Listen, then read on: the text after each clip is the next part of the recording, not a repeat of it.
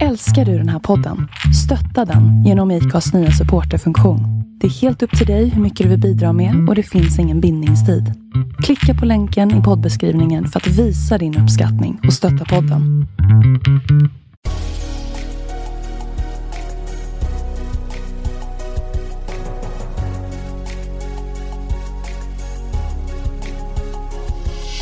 Welcome to the podcast Vart är vi på väg? or in English Where are we heading? So, this talk will be in English because we have some English speaking guests with us today. Yes, and in this podcast, we interview successful social entrepreneurs and other people involved in the ecosystem around social entrepreneurship. We want to give you who listen advice and inspiration for how innovative ideas and entrepreneurship can solve the societal challenges that we are facing. Yes, and we also want to inspire you to a sustainable lifestyle with sustainable habits. And of course, also put the spotlight at all amazing social entrepreneurs.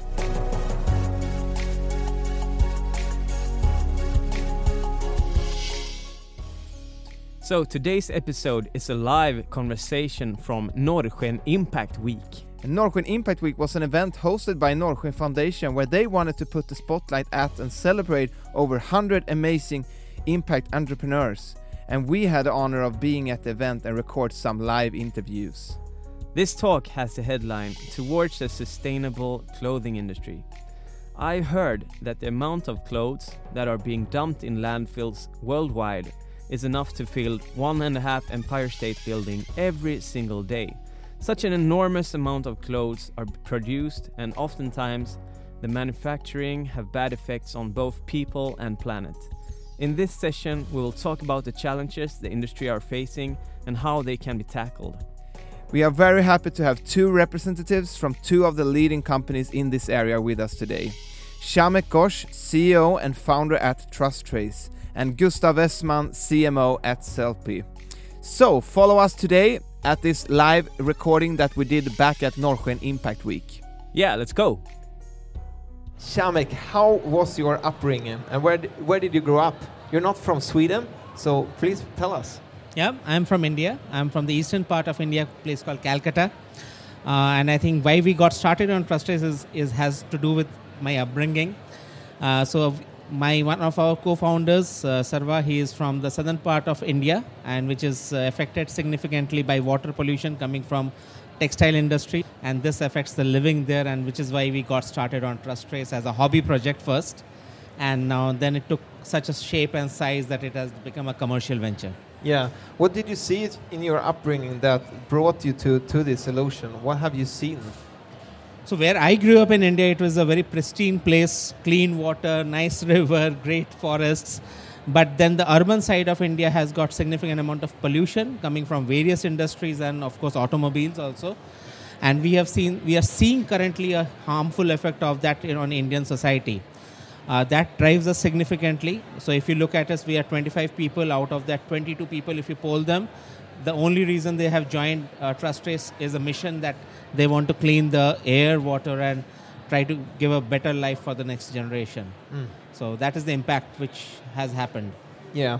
And uh, how was the journey before you started TrustTrace? What did you do? So we are four founders, and all four of us come from the IT industry, and that brought me to Sweden also. I moved in Sweden in 2009 uh, as a part of a large IT services company, and we all four used to work together to support a lot of digital uh, transformation programs for companies like ABB, Volvo, and all. But then we found this problem, and we used our skills now to trying to make a change to the world, uh, make maybe people, life of 60 million people who are associated with the fashion industry production processes much more easier, better, and uh, give them a good life. And also uh, make a big change on the consumer side. The way you buy clothes the, you should ask many questions to these brands. Yeah and um, if we we'll come back to what trust is, is really about yeah. and um, gustav so yes. how where, where do you come from uh, well, not as far away. No, a bit, bit closer. So I am from Stockholm originally. Yeah. yeah. And um, how was your upbringing? What, uh, what did, where did you grow up? Like, what did you do and stuff like that?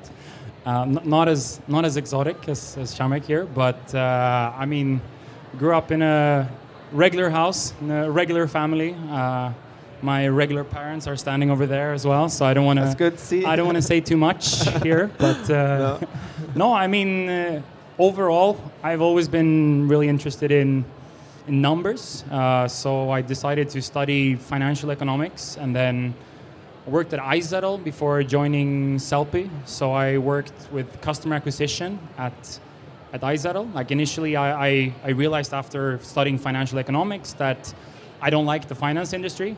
I like finance, but I don't want to work in the finance industry. So I had to find some place where a startup and finance sort of intersected, and that was iZettle and fintech worked perfectly. So, uh, and then I joined Sellpy three and a half years ago, uh, which has been a super fun ride so far. Yeah, and how did you end up there? Uh, good question. Uh, it's actually I know one of the founders from from before, so I sort of already had them on my my radar. I wanted to work a little bit more with sort of physical product, having coming from the digital product side. So the e-commerce aspect of Sellpy really sort of intrigued me. Actually, having a warehouse, you know, seeing the company grow was was really something that uh, something that sparked an interest in me. So working with uh, marketing and branding and sort of really building a service, but still doing it um, without having any negative externalities has been super was super important to me when I decided to join Sellpy. Yeah. Okay. So uh, if we go back to Trust Trace, so what is um, what is it about, and how does the service work? So we are um, focusing on the fashion brands uh, to achieve full traceability of their supply chain, right from the fiber to the whole garment. And if you guys can check Philippa K's uh, product called Silk Shirt for women, uh, you will get to see the full traceability right from the where the silk comes from to the whole garment, and that has been done using uh, Trust Trace as a platform. And we are working currently with around 20 odd brands and 1800 suppliers who are on our platform. So we are making it much easier for the brands to achieve the full traceability. And once you achieve the traceability, they are able to ensure that proper environmental conditions are ma- made, uh, proper social obligations are being met, like equal pay for women, no child labor, such kind of thing. And then also you are able to form governance mechanisms to control them.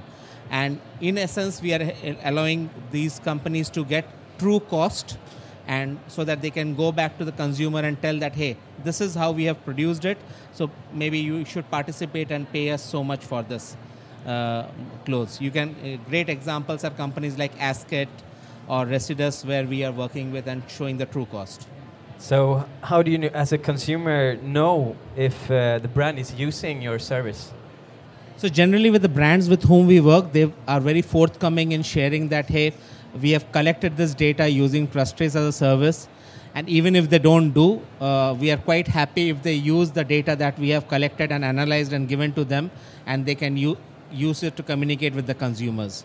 We are a B2B platform. We work in shadows. We do not want to be coming in the front. Yeah, okay. Yeah. So, can you tell us about or describe the problem that you are actually solving for your service? So if you look at it, the fashion industry, as the data points I was giving, it's a 2.5 trillion dollar industry globally. It has got 60 million people working in it across the globe, and it is, has got it is the second most dirtiest industry after oil and gas, right? So what we wear, we are actually wearing a lot of black spots and red spots in our body. So we have to, if you want to clean that, you need responsible production processes, and best way to do that is by doing responsible consumption. But how do you tell the story about what actions you can take? For example every time if you buy a cloth you should ask that what is the carbon footprint of this garment right? I don't think people who are living in stockholm will mind paying 100 kronas more for a good garment with a good uh, production process. So that is what we are trying. And this is a game of data. The problem that brands face is that for them to collect this data is mammoth task. Using our digital platform, uh, which uses blockchain and artificial intelligence, we are able to reduce this cost of collecting data, analyzing the data, and get, uh, so that consumers can go and ask the brands, and brands can do it. Our uh, whole platform cost per garment three cents or less than a krona. so I think they don't have a reason of not using the platform. Okay, that's awesome. Uh, can you tell us about uh, how did you come up with this idea with your co-founders? Uh, what was the process? So like? we were, uh, we are all four of us are from the IT industry. So we know technology quite well. We do not know textile at all. But one of the founders was affected by textiles uh, effluent or pollution coming into the into their organic farming, and then it got started. We started as a hobby project to put a, a website with all the bad names of all the co- companies in that region. Uh, the many brands in Sweden they said that come on we should not do this because it will take the livelihood of many people and actually then Houdini and Philippa K many of these companies they came forward Iceberg they came forward and said that we need the data. Can you please help us in collecting this data? And then we could find right uh, competence of us which was about IT industry and then we implemented it for textile industry. We were supported by Vinnova uh, a lot. And then uh, the one uh, two brands became five brands five brands became 10 brands and that's how we have been able to develop the solution. Okay, so the first uh, product that you had was uh, wasn't as constructive. it was more like dev list, and now you are doing this. So that's an amazing journey. Uh, let's talk about Sellpy. Um, tell us about Sellpy and what you do. Uh, yeah, so Sellpy started as a, as a selling service for consumers. So we realized that it was super hard for most people to actually resell their old clothes, shoes, accessories. Um, most people will buy a new item. I mean, it, you can all of you guys here could just take out your smartphone and buy a new piece within a minute, maybe two minutes if you're if you're a bit slower with your smartphone. But it's super hard to get rid of your old things. Uh, so most people, well, they they don't. They just either throw their old garments in the trash, just crazy. I mean, the average Swede buys 13 kilograms of clothes and uh, textiles every year. Eight kilograms of those end up in the trash, just thrown Like away. Like in the regular trash can. trash can. I mean, trash can on the streets or whatever. But eight kilograms just thrown in the trash. I think the really, the really big impact thing to do here is is trying to get more usage out of the clothes that we already produce. The fashion industry produces more than 100 billion pieces every single year. So 100 billion last year, another 100 billion this year, and 60% of those end up in a landfill or incineration plant within 12 months, which is insane. Uh, so what we're trying to do, what we started as, was a way for regular consumers to resell the things that they had already bought, to try and get more usage out of every single piece of item. So Yeah. you're making it really easy for the for the seller Yes. uh, to sell the clothes. And how do you do it? Yeah, so that, that was the that was the starting point, and I mean the it it essentially comes down to taking out all of the pain points with selling your old things. So you used to be able to have to, I mean, list your items on a on a site, or if you sell it on like Facebook Marketplace, someone needs to you need to talk with other people and they have to come home to your house and look at the item. It's a bunch of different pain points. We started with IKEA bags. Now we have evolved our product. Uh, you put whatever you want inside of them. Um, if you live in one of the big uh, cities in Sweden, we'll pick it up at your doorstep. Uh, we'll take it to our warehouse where we will sort it, uh, we'll value it, we'll everything that we think is worth selling, we'll describe it uh, and photograph, and then we handle the entire sales process. So we started as a selling service, uh, and now we, al- we also have Sweden's largest e-commerce for secondhand. So Sellpy.se, we have 400,000 items listed, and we're trying to, essentially trying to make it as easy for consumers to buy secondhand as it is to buy new things online. So you have become a really large player in the Swedish fashion industry with 400,000 items. And um, describe the problem in more detail, like um, what happens with the clothes that we are ending up in landfills, and um, why is that a problem? I mean, essentially, it's going to come down to all the resources that go into producing a new new item. Like if you produce a pair of jeans, rough takes roughly about six thousand liters of water to produce one pair of jeans. Maybe you should start buying secondhand instead of just buying new items over and over again, because that actually has a much bigger impact on your global on your carbon footprint than flying does in the end. That's true. And how? What? Who is your typical customer? Uh, yeah, so I mean, we have a customer, both the customer that sells items with us, and we also have a customer that essentially then buys items of us. Uh, and sometimes, or actually in most cases, those will be the same persons. So people that sell items through us will also end up buying items from us as well. Um, I would say, I mean, women 25 to 40 years old, um, because it's probably the demographic that has the most clothes, shoes, and accessories. So out of necessity, they will also be the ones selling the most items, and therefore we will have the most items to sell to attract more buyers in the same demographic. But I mean, my grandma is selling items as well, and she's 92 years old. So yeah, so essentially anyone. Okay, so you're making it so easy for the seller to Yep. sell. And how does the demand side like look like? Is that more su- supply than demand? Yeah, I mean, so that's it's a great question, uh, and I mean, from our standpoint, we started working on the selling side, and in, in, in the beginning, we sold all our items on Tradera because it was super easy to sell them there. There was already a demand to buy secondhand items.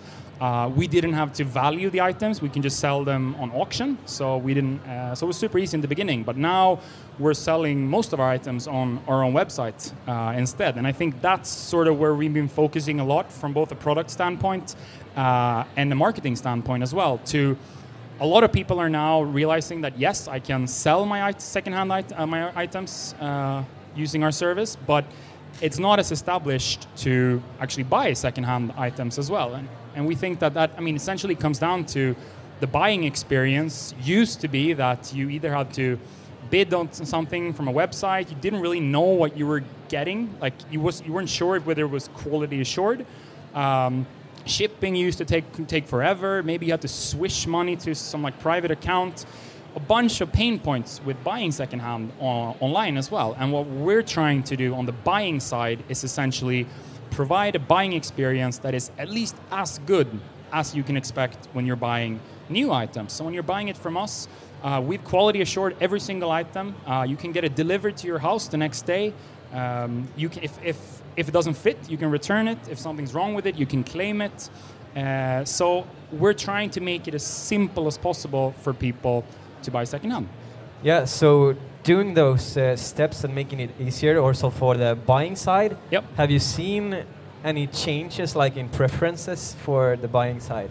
Have you se- has it increased the number of for sure, yes, for sure. I mean, it's uh, it's really starting to pick up speed now. Um, it's sort of gone through a phase where it used to be it's like, oh, you will, oh, you you have to buy secondhand because you don't have the means to buy the item new, and now it's starting to become more of a like a even a fashion statement. Oh, I bought this item secondhand. So it's it's starting to really we're really starting to see a shift uh, in in especially in Sweden here. I mean I mean if you look at again flight shaming or flygskam, which started trending maybe last spring and then really peaked uh, last summer, followed by train bragging. So people are starting to brag that I'm taking the train, I don't fly, and we're now we're starting to see in August uh, köpskam or buy shaming is starting to pick up speed in Google searches. And of course, we're predicting and hoping that that will be followed by secondhand bragging. So rather than just pushing sort of people or sort of shaming them that they're not buying new item that buy new items, we want to encourage them to be sort of part of the solution and buy their items secondhand instead of buying them new. And the clothing industry, as we yeah dig a little bit deeper in this conversation, is um, so. So where, what do you see is the greatest uh, challenges the industry are facing today, when you are out with your with your company and your researching? So I think it's a it, uh, at least the industry has started changing, but I think it's a huge, uh, it's a very long journey that they have to traverse. Uh, I think what we have taken is main, not even the one percent of the total uh, distance that they have to cover, and it so responsible brands have started taking the action of doing responsible production, uh, which is one of the UN SDG goals. Uh, but I think we have to get much big players to get it. And I think most of the brands also should start moving more towards what Gustav was saying about renting, repairing, re-commercing and all. You have got many good examples in Sweden which provide repairing and renting as options. And I think this has to be at scale. I think buying or linear purchases is currently at scale. That's why the industry is at 2.5 trillion dollars. I think if the second hand or the third hand or maybe fourth hand can be at the same scale, I think we'll so- we'll go a big way in solving it. Yeah, has it been hard for, for you to, to get these companies on board? Are they still a little bit shameful maybe for what they really do or See, the, uh, the point is that if you have a dirty linen, you know that you have dirty linen. It takes some time. You have to come overcome a psychological barrier to clear to clean it, right? So, of course, the brands who are not moving so fast, they are cautious about it. But I think many of the brands have also joined many collectives. Uh, they are working together because it's a, I think a common problem across many of the mid-sized to large-sized brands, and I think they have started taking steps. So, which I what I call is if the heart is in the right place the actions will follow. So I think they're getting their heart in the right place yeah, now. Yeah, that's good. And what do you see from Sellpy point of view? Uh, no, I mean, I think a lot of the change that we're seeing uh, is going to be consumer driven. Uh, I mean, if you really want the big fashion chains to start, uh, I mean, showing exactly how a product is produced, the sort of carbon footprint, the water footprint, that's going to, the demand for that has to come from the consumer side. Uh, so that's, I mean, if you look at other industries as well that has sort of gone through a transformation. If you look at the music industry, for example, used to be that uh, the big the big record companies, big record labels, they were super scared that oh we're, we're no one's buying CDs anymore. We're not making any money of this. Uh, and then sort of you had first illegal downloads through like Napster or Kazaa, and the record labels were super scary. It was like, oh no, you can't do this. You're threatening our entire business model, which is just based on people buying a CD up front and then owning it.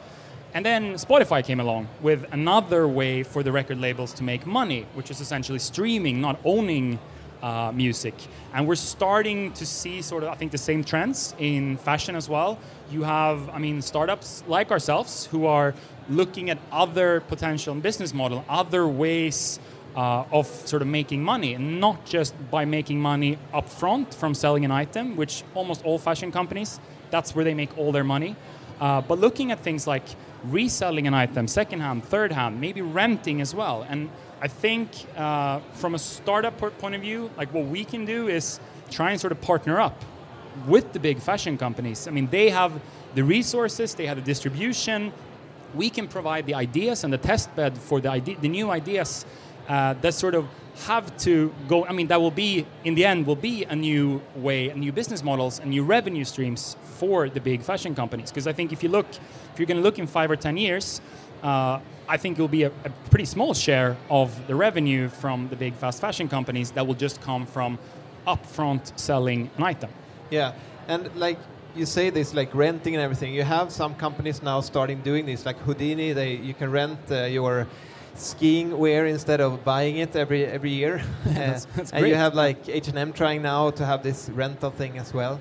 So um, so yeah, there are uh, uh, really, I mean, some some few things happening right now. Yeah, and, and I really think and I think the tricky thing, I mean, with rental is it's super logistics intense, uh, and I mean, it's going to be hard for for a company like Houdini. It's, I mean, they're they're really great at what they do, but it's probably hard for them to focus fully on developing the, the logistics that are required to have a fully functioning rental business. I mean, may, maybe for them it'll be more of sort of a branding thing, uh, and I think you need a company that will work dedicate. I mean, the only thing that they do is working with rentals because it requires so much logistics and so much technology to do in a in a proper way. So I think, I mean, it would be great to see a company like ours that would be only focused on rentals that could then sell that service to Houdini or maybe Houdini wants to invest in them or something. There's a whole new business uh, opportunities for companies that can help supporting the circular economy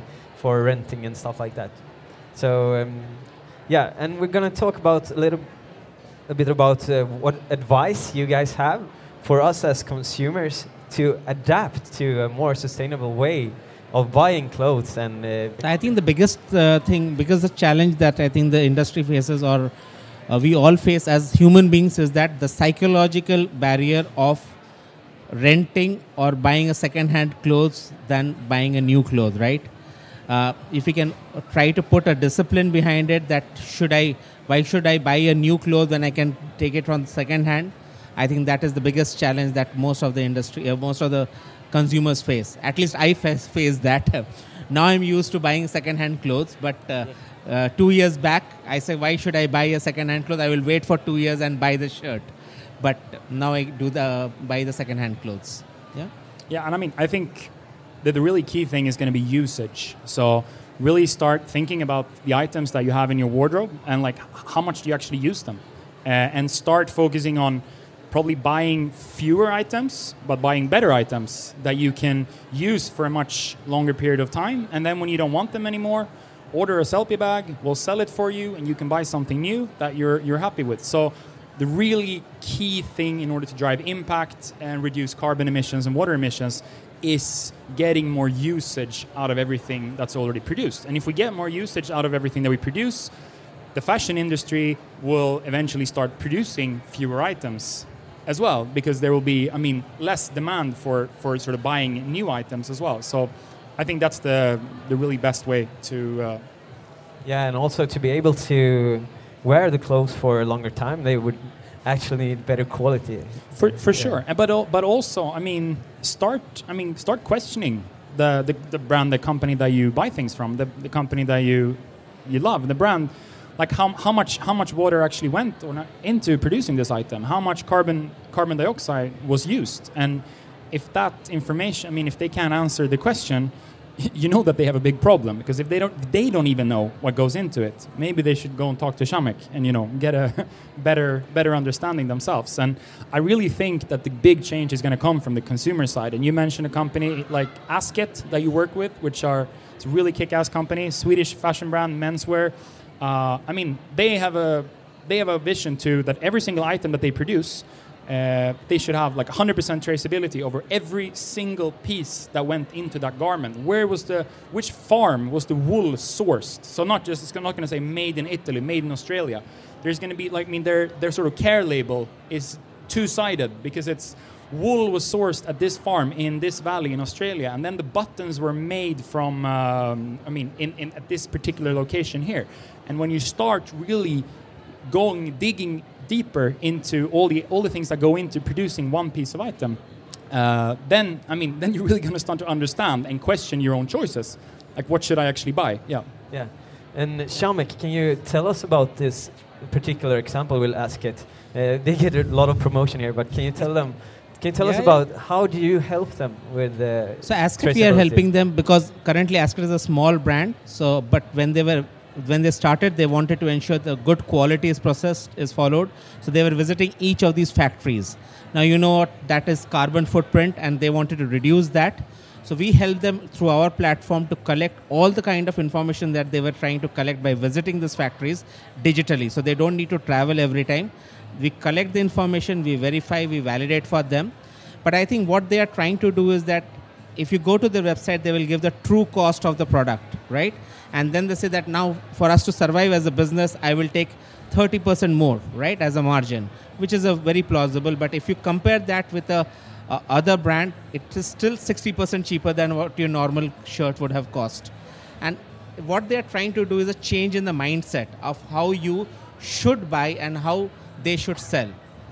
Uh, another example that comes to my mind when you uh, speak, Gustav, is that I think all we all as consumers should say that okay, take a pledge that I will not have more than 40 garments in my wardrobe, which will actually mean that you save a lot of wardrobe space also, and then also you will ensure that whatever you own you wear at least 20 to 25 times in a year.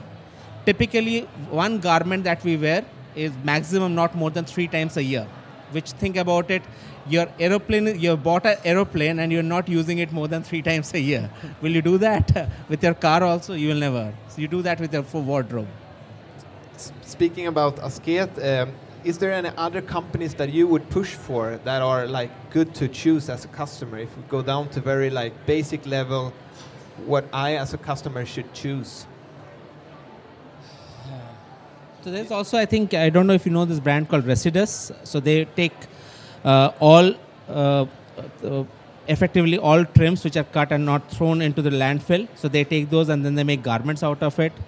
Fjällräven is a great brand. I think they have a very, very strong ethical process. So I think we work with around 13 odd brands in Sweden, and I think all of them, I can vouch for them. They have got very, very good production processes, and they really take care of earth, water, and human beings. Yeah, behind I. I mean, you mentioned you mentioned Fjällräven, and I think I mean the outdoor industry is a great example of how much further they've come in terms of uh, sustainable production, uh, and and that's I mean mainly because it's consumer driven. I mean, most of the people that are buying outdoor outdoor clothes, I mean, they understand that okay, well, if I buy these ski pants and they're really really dirty in production, then there's not going to be any snow for me to ski on next year. So it's a much closer connection between the outdoor industry and the consumers uh, buying those items. And I think if you were able to sort of establish that tighter connection between the consumers that are buying things from the fashion industry now, for them to start realizing that there is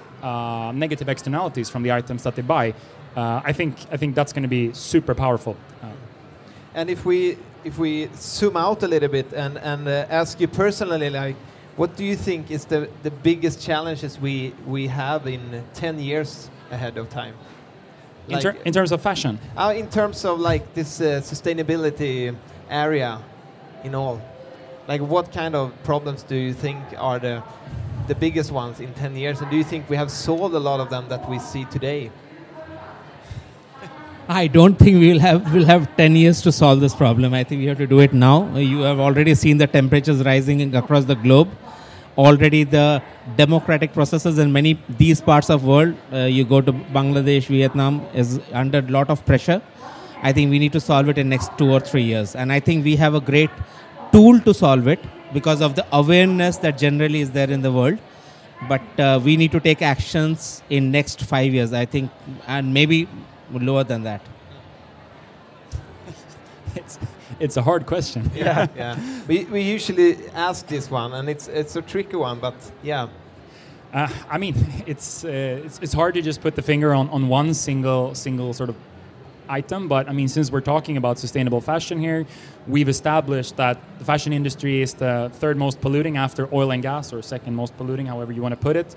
If you really want to, but it's much clo- much easier for a consumer to actually drive change through their fashion choices uh, and the, and the sort of what, what they do in the fashion industry. So I think what we're going to see in 10 years' time is hopefully a lot of other uh, business models in terms of making revenue within within fashion uh, and actually for the brands working together with new startups uh, to to actually develop their their business models. People are still going to buy clothes uh, in 10 years time, no question about it. But hopefully they'll buy better clothes, they'll buy fewer clothes, and whenever they're happy with how they've worn those clothes, they'll resell them or they'll rent them out to someone else. And I think that's really uh, going to be the key for the fashion industry to, to be able to be attractive towards consumers in 10 years' time as well. And I think that summarized this whole talk really good. That in the future, that we buy less, we buy good clothes, and when we don't want the clothes we have, we resell them to someone else who want new clothes, and then you have the ecosystem right there. Sounds Uh, great. And we thank you so much for this uh, interview, and uh, have a really good time, and good luck with everything that you do. Tack så mycket för att du har lyssnat på dagens avsnitt.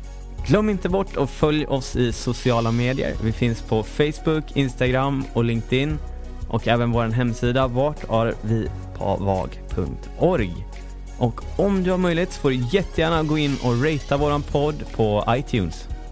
Yes, och för dig som vill ta del av podden ytterligare så tycker jag att du ska gå in och signa upp dig för vårt nyhetsbrev där du varje vecka får en liten kort resumé av avsnittet men också de bästa tipsen och de bästa insikterna från gästen som vi har haft med oss. Eh, så om du har varit ute på språng och inte haft möjlighet att anteckna något så gör det ingenting utan du får det på ett mail veckovis. En riktigt bra deal helt enkelt. Så se till att signa upp dig så fort som möjligt så ses vi nästa vecka igen.